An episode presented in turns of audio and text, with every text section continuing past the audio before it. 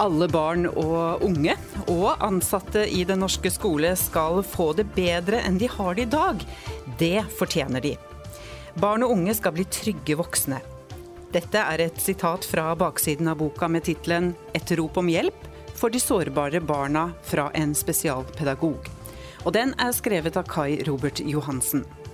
Og det er han som er gjest i vår hverdag i dag. Og det skal handle om hvordan vi best kan hjelpe barn og unge med litt ekstra behov for å bli trygge voksne. Følg med oss den neste timen. Mitt navn er Sølvi Olim. Hjertelig velkommen i studio, Kai Robert Johansen. Tusen takk. Du har jobba i skoleverket i 45 år. Mm. Og med som, på spesialskole for det meste, ja. med barn som hadde atferdsvansker. Mm. Uh, og da jobba du som uh, spesialpedagog. Mm. Kan du aller først si to ord om hva en spesialpedagog er utdanna til? Ja, Først så har vi en uh, utdannelse i bånn, enten en lærerutdannelse eller en, en førskolelærerutdannelse. Jeg tok det som het førskolelærerlinja i, i, i Halden i så langt tilbake som i 79. I dag så heter det jo barnehagelærer. Og så tok jeg videreutdanning da på Statens spesiallærerhøgskole, som lå på Hosle ute i Bærum. Og for å kalle deg for en eh, spesialpedagog, så skal du da ha førsteavdeling spesialpedagogikk og annenavdeling spesialpedagogikk. Og min annenavdeling den gikk da på psykososiale vansker, eller atferdsvansker. Mm. Du jobba de siste årene før du ble pensjonist, det er ikke lenge siden du ble pensjonist, mm -hmm. men de mhm. siste årene så jobba du i den eh, vanlige eh, norske skole mm -hmm. med elever som trengte eh, litt ekstra tilrettelegging. Mm. Og det var da du skrev denne boka 'Et rop om hjelp for de sårbare barna fra en spesialpedagog'. Mm.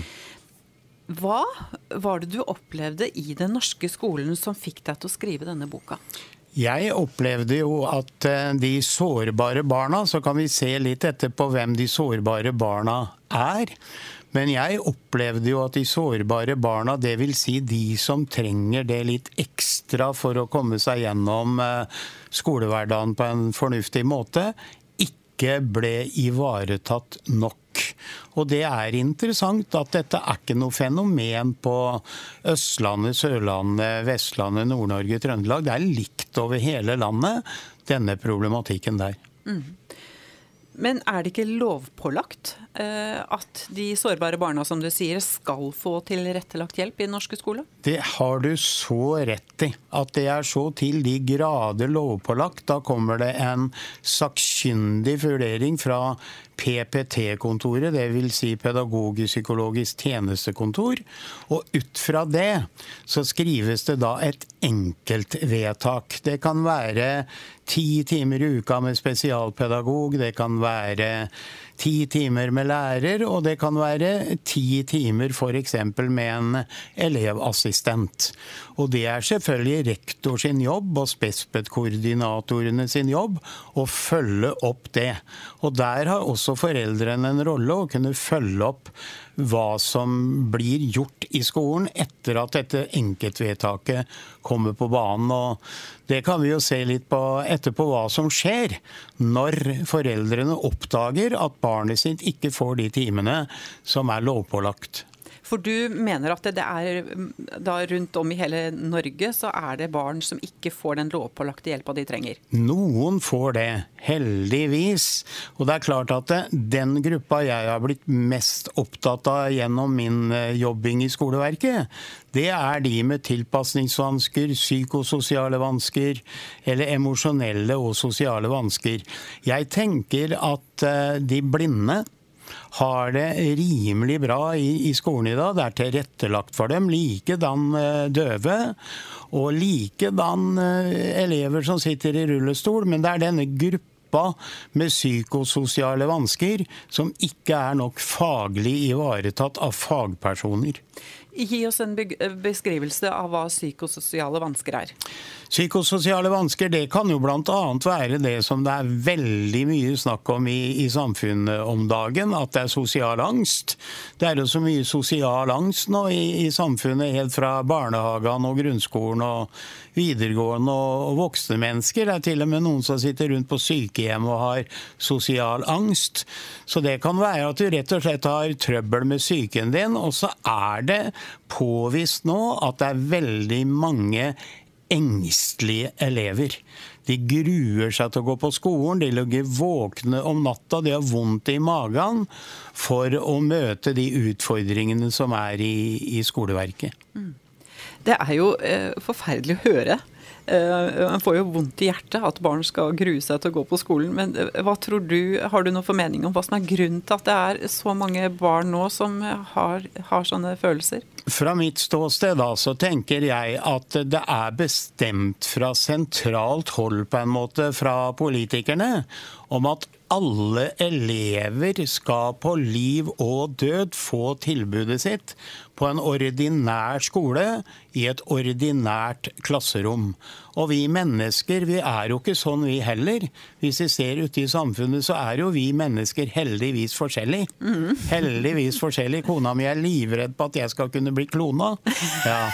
Sånn at heldigvis er vi forskjellige. Og sånn er det jo med de flotte elevene vi har òg. Ja. For jeg, jeg må jo si det at vi har mange, mange flotte barn og ungdom i skoleverket i, i Norge da, og så er det den gruppa de sårbare som jeg er veldig opptatt av, de har også fortjent å ha det trygt og godt på skolen. Men mener du at de burde gått på en spesialskole?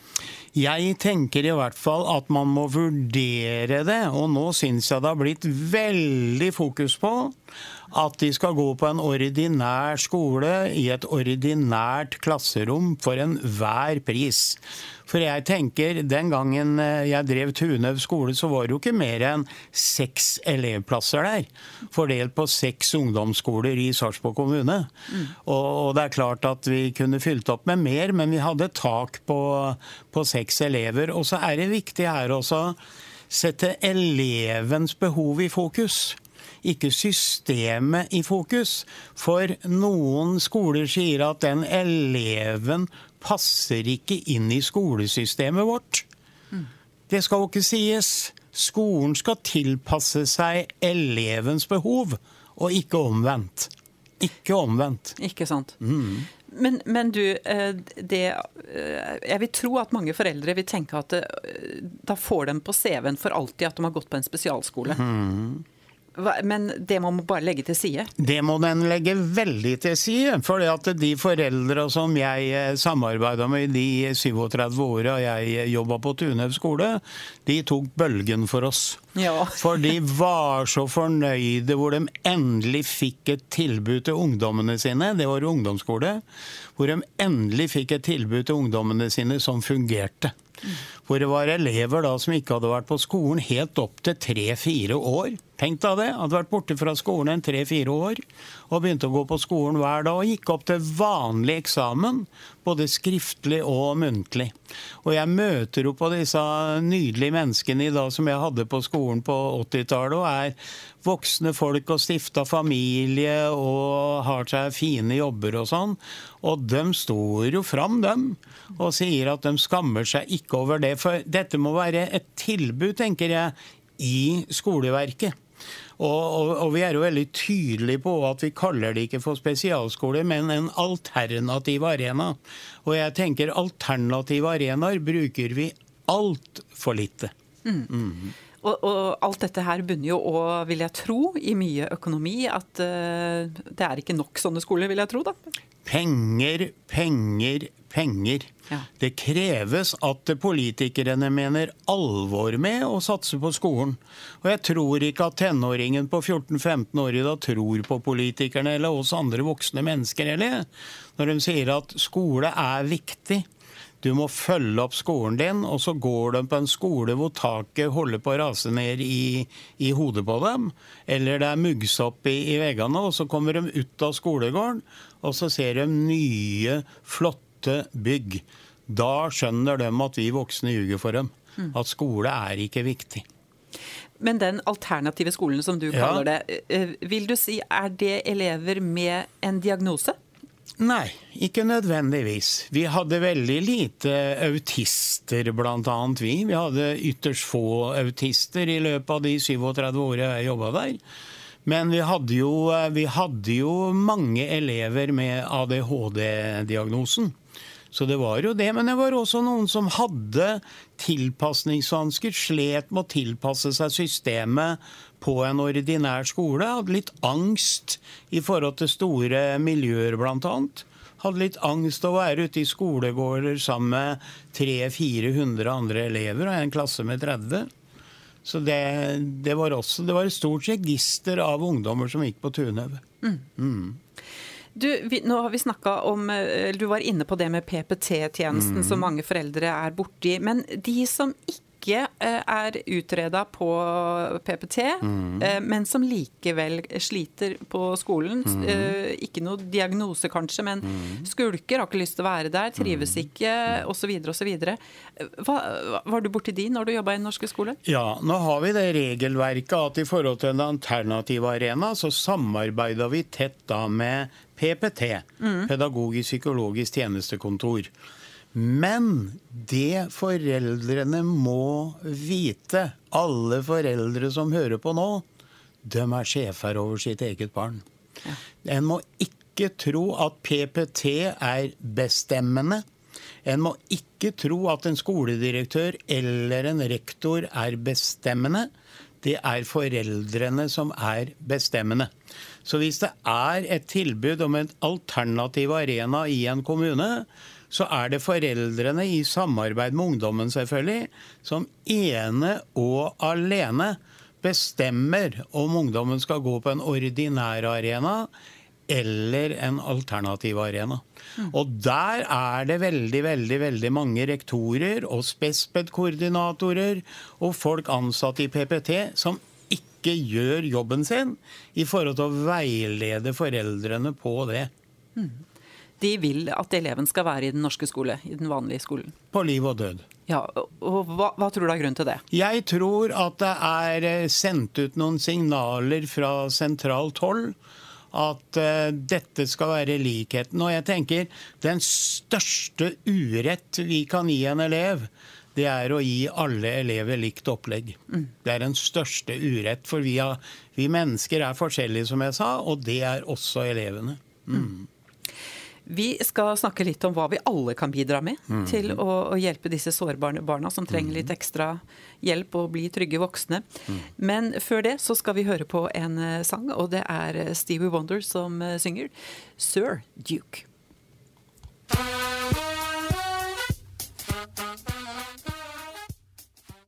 Stevie Wonder var det med Sir Duke. Vi snakker om eh, barna og ungdommen som trenger litt ekstra hjelp gjennom skolen i vår hverdag i dag. Og med meg i studio har jeg spesialpedagog Kai Robert Johansen. Og Kai Robert, alle foreldre vil jo bare at barna skal ha det bra på skolen og lære det de skal og ha venner osv. Men det er ikke bestandig så enkelt. Og har du sett gjennom alle disse 45 åra av skoleverket, er det noen liksom hovedgrunn til at det er noen barn som rett og slett ikke finner seg til rette i den norske skole? Altså, barna trenger oss voksne.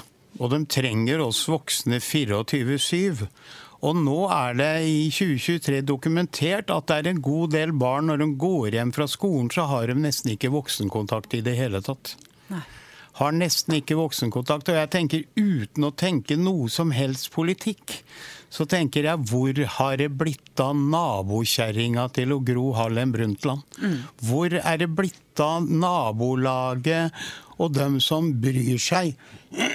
Unnskyld, for det sa jeg til elevene mine, og det er forskjell på å bry seg og bry seg om. Grunnen til at jeg spør dere hva dere gjør på kveldene, hva dere har gjort i helgene, det er fordi at jeg vil dere godt, og jeg bryr meg om er lik. Foreldre, besteforeldre må være mye mer nysgjerrige på hva barn og ungdom, særlig ungdommen, da, holder på med i, eh, i fritida. Sånn at en blir vant til å snakke med voksne mennesker. Og jeg fikk jo store avisoppslag når jeg gikk ut og sa at det å ikke gi barn grenser, det er barnemishandling. Mm. Barn trenger grenser. Barn trenger å få vite hva som er rett og galt. Ikke på en sånn hard og brutal måte, men med masse omsorg og masse kjærlighet og masse forklaringer.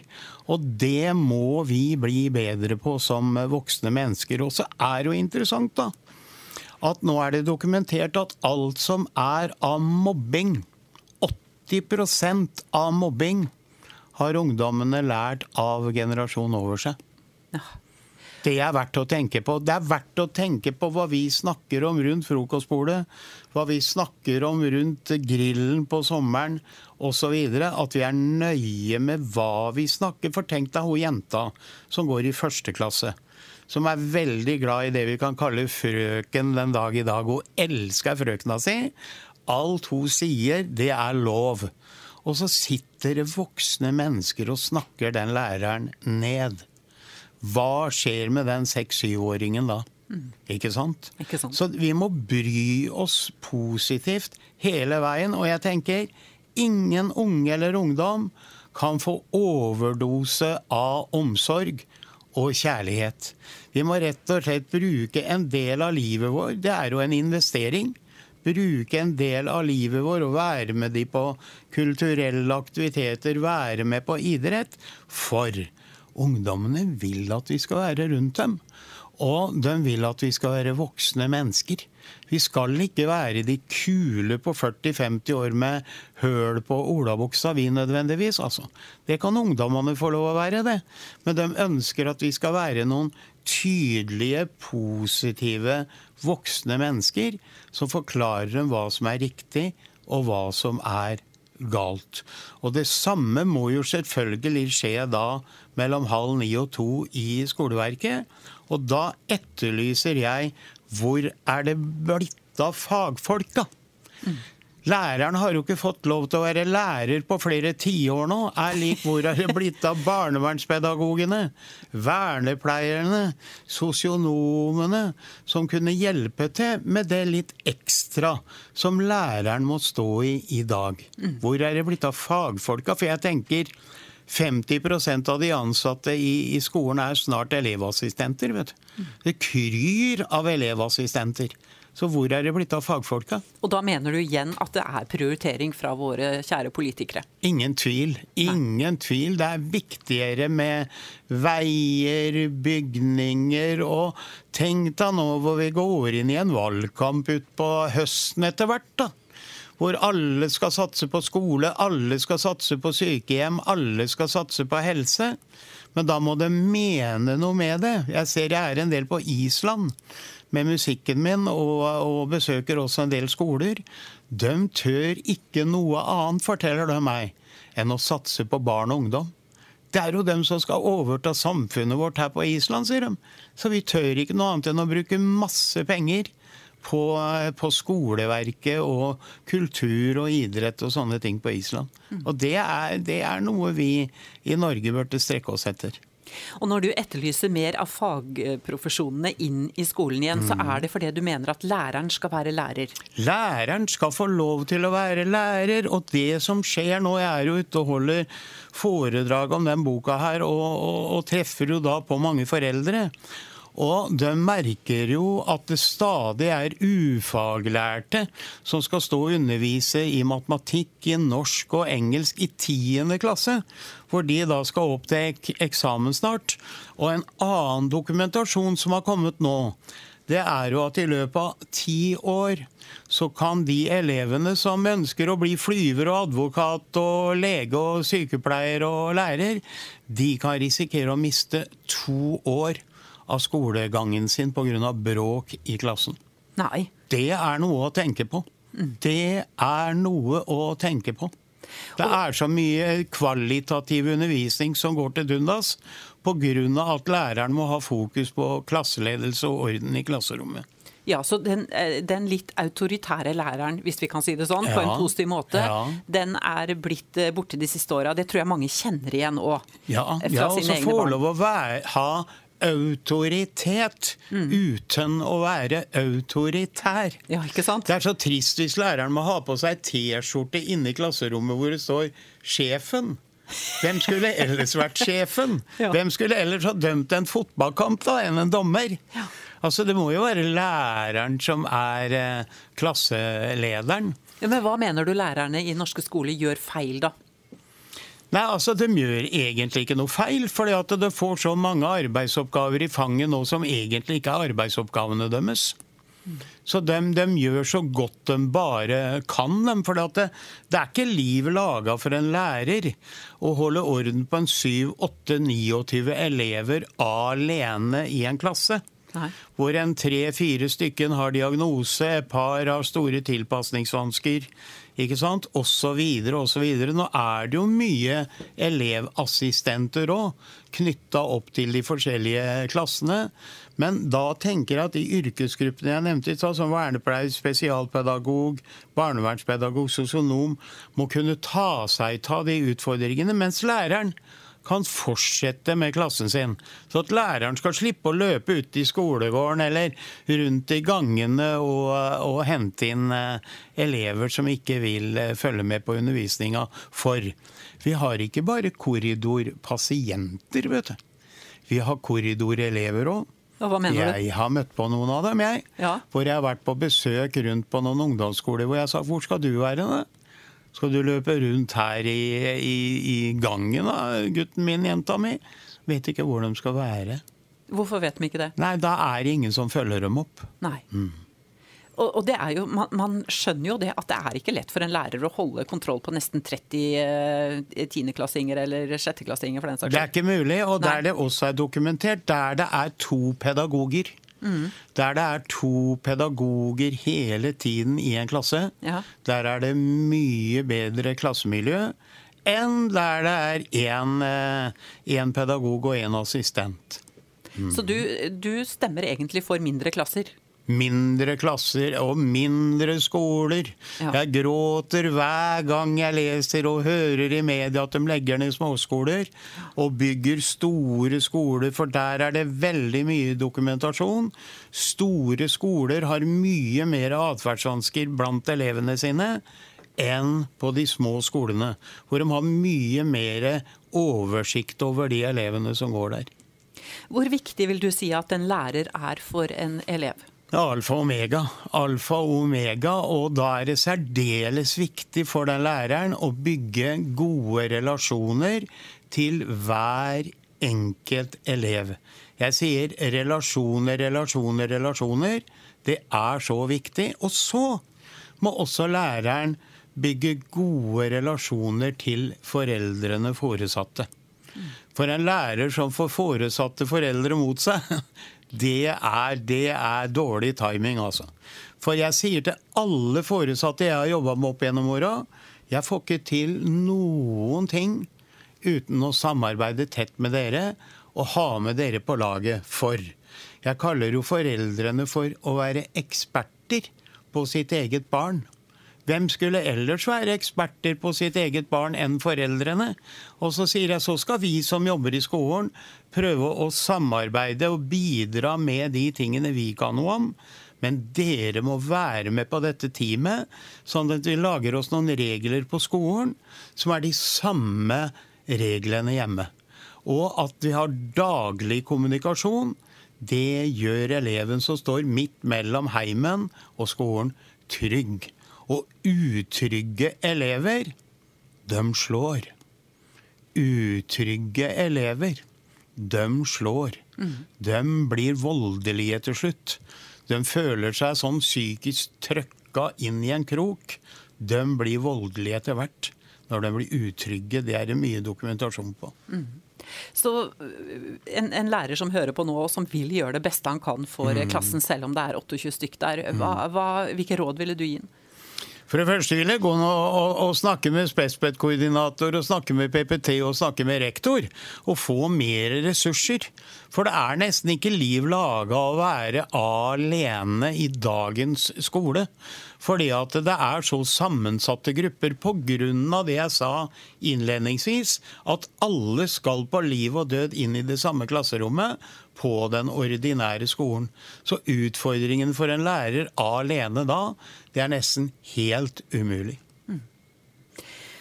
Um, vi, vi, har lyst til å snakke litt om hva vi andre rundt mm. eh, barn og unge kan gjøre for at de skal føle seg tryggere. Mm. Og for eh, noen få minutter tilbake så snakka vi om det med voksenkontakt. Mm. Og jeg har mm. lyst til å ta tak i det litt igjen. For mm.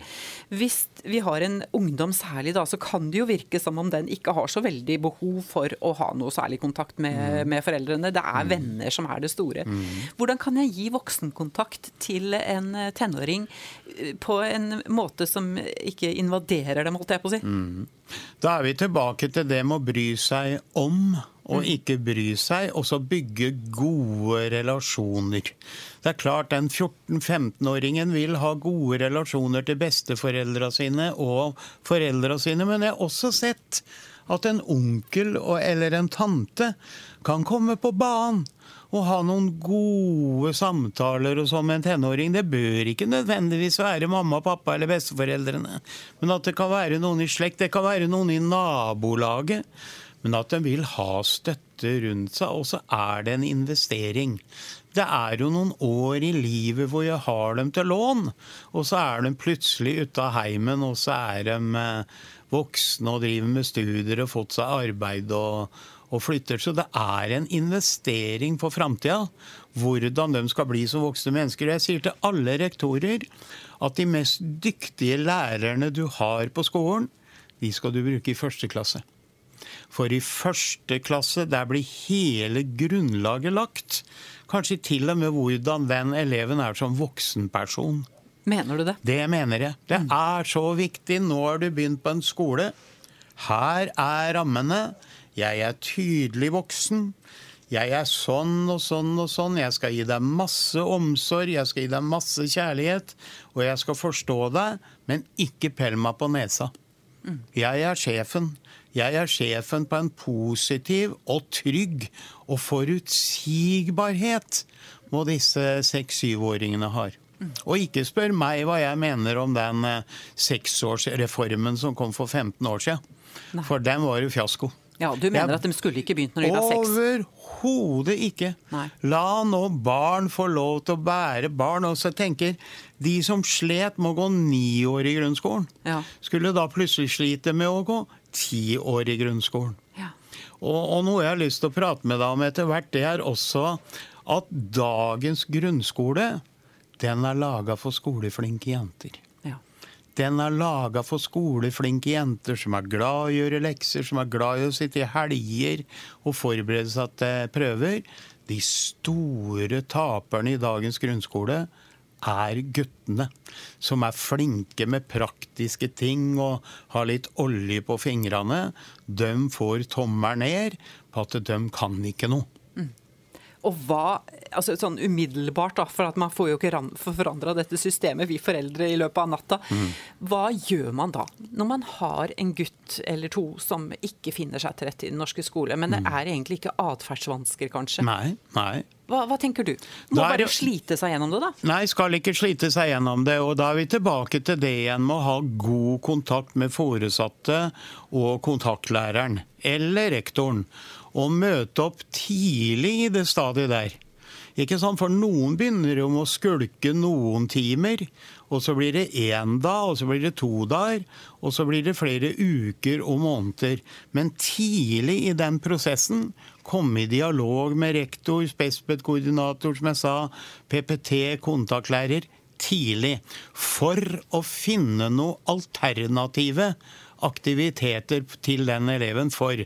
Det bør ikke være en alternativ skolearena, men det kan være en to-tre timer i uka å kunne mekke på en sykkel, mekke på en moped, kanskje en gammel bil og et bilverksted på en skole hvor de kan få lov å mekke på.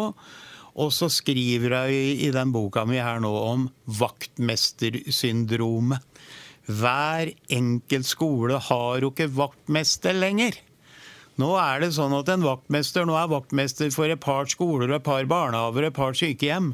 Men vaktmesteren trodde jo, særlig de små elevene, eide skolen og var sjefen på skolen. ja. Og bodde på skolen i vaktmesterbolig. Men det jeg så de ungdommene som slet og fikk greie på at hvis du prøver deg gjennom uka nå så godt du kan, så skal du få lov å jobbe sammen med vaktmesteren de tre siste timene på fredag.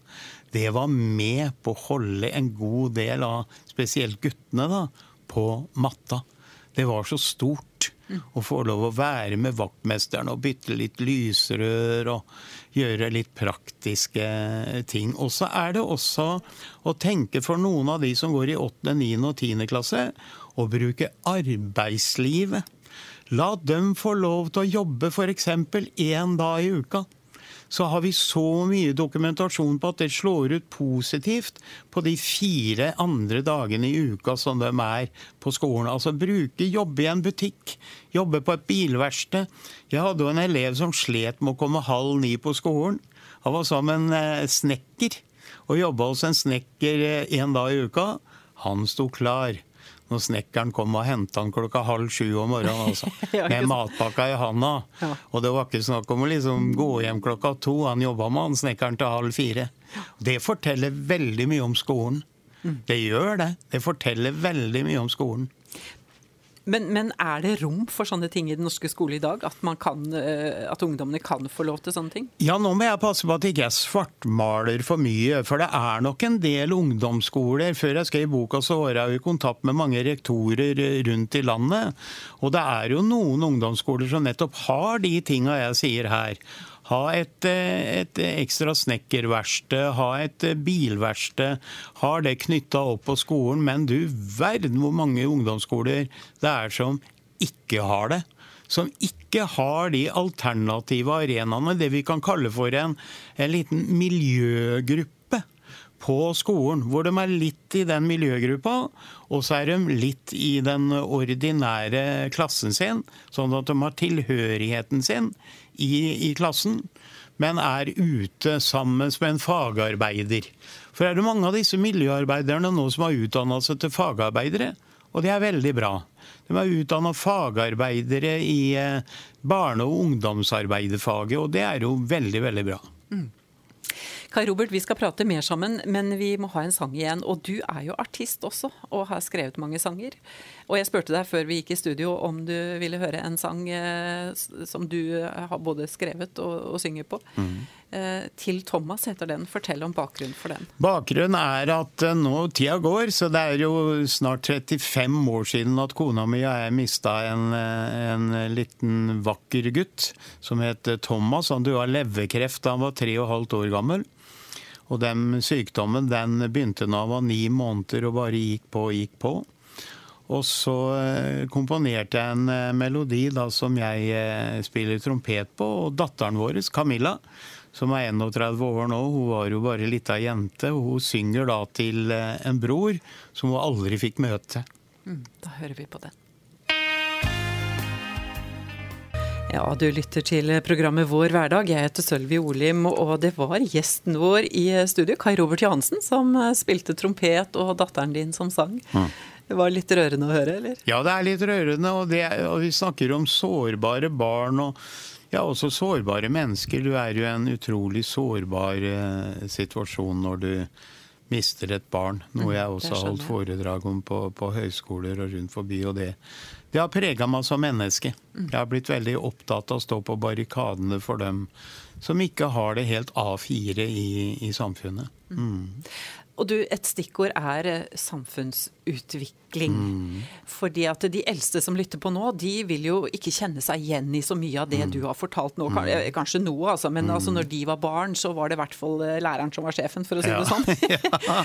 men vi hører om narkotikabruk, mm. vi hører om vold på skolene, hvor mm. elever slår lærere, og lærere er redde for å gå for sin egen jobb.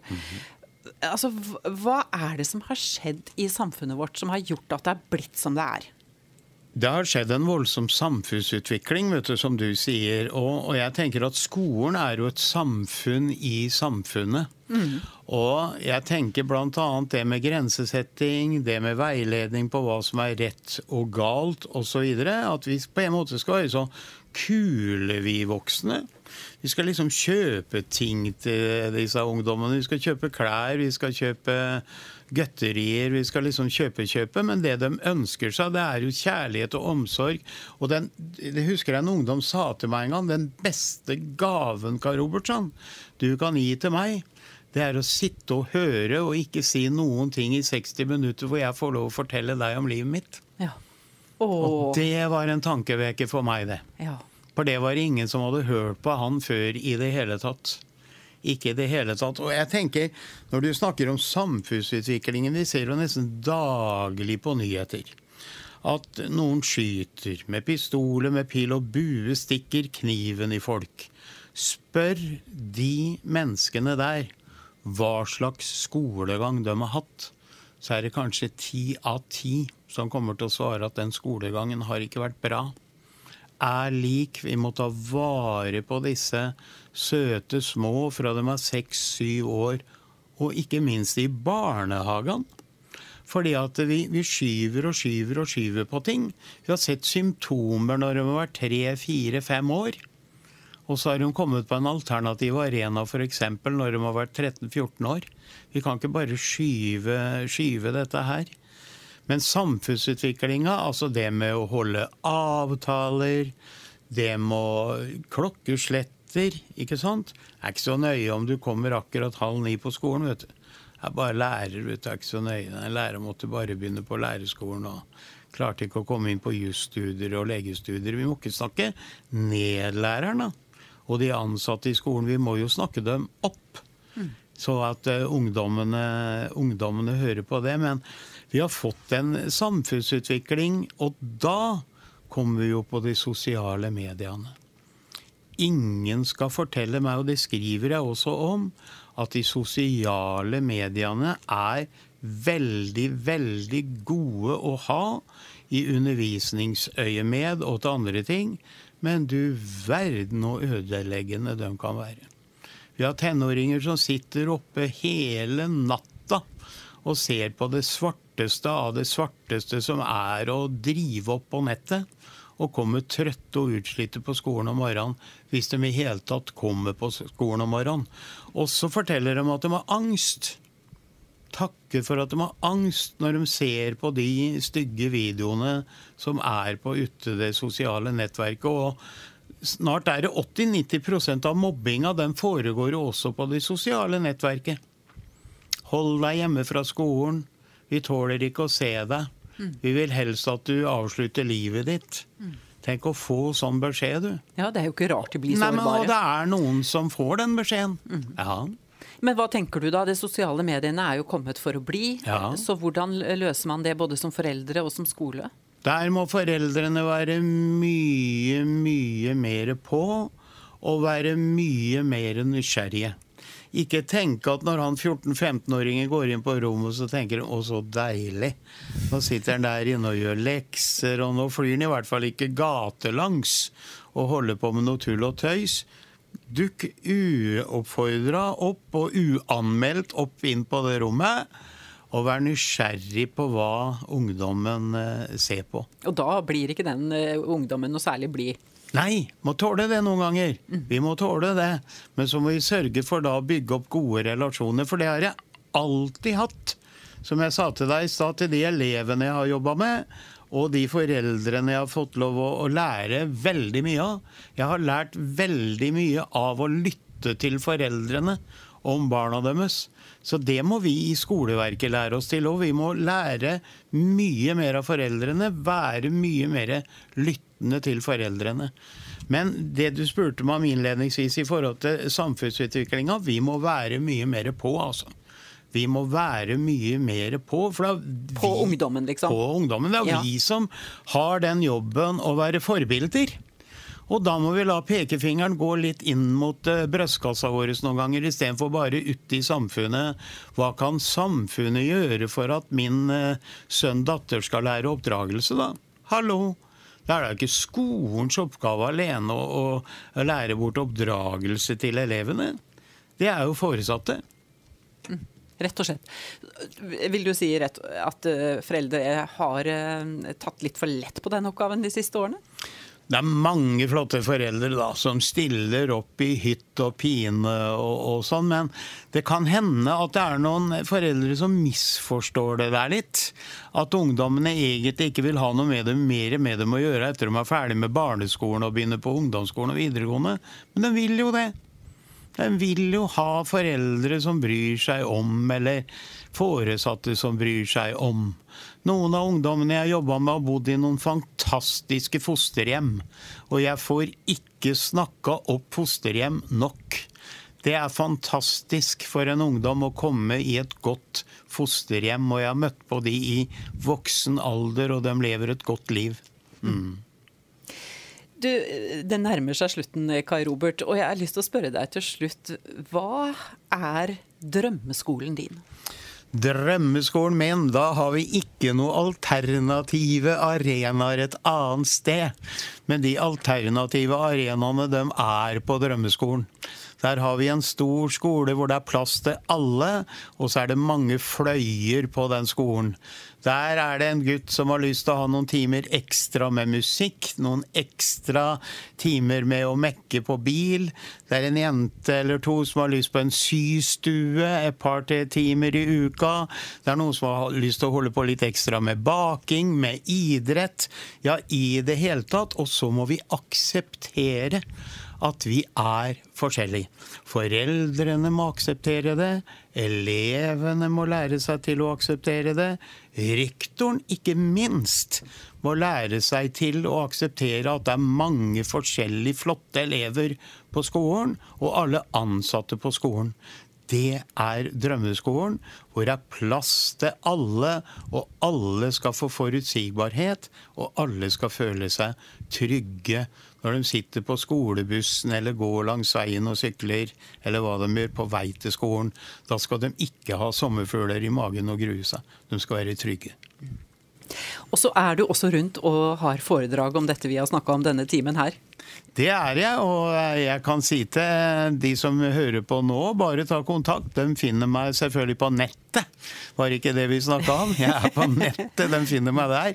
Men jeg er rundt i mange lag og foreninger og FAU-er, foreldregrupper og og skoler og, og, holder foredrag. Og jeg lærer mye hver gang jeg holder foredrag, for det er så mange flinke mennesker der ute. Mm, og en liten oppfordring til en foreldre som sitter nå og er litt mismodig for at en kanskje ikke har fått til det så bra som en skulle i forhold til barneoppdragelse?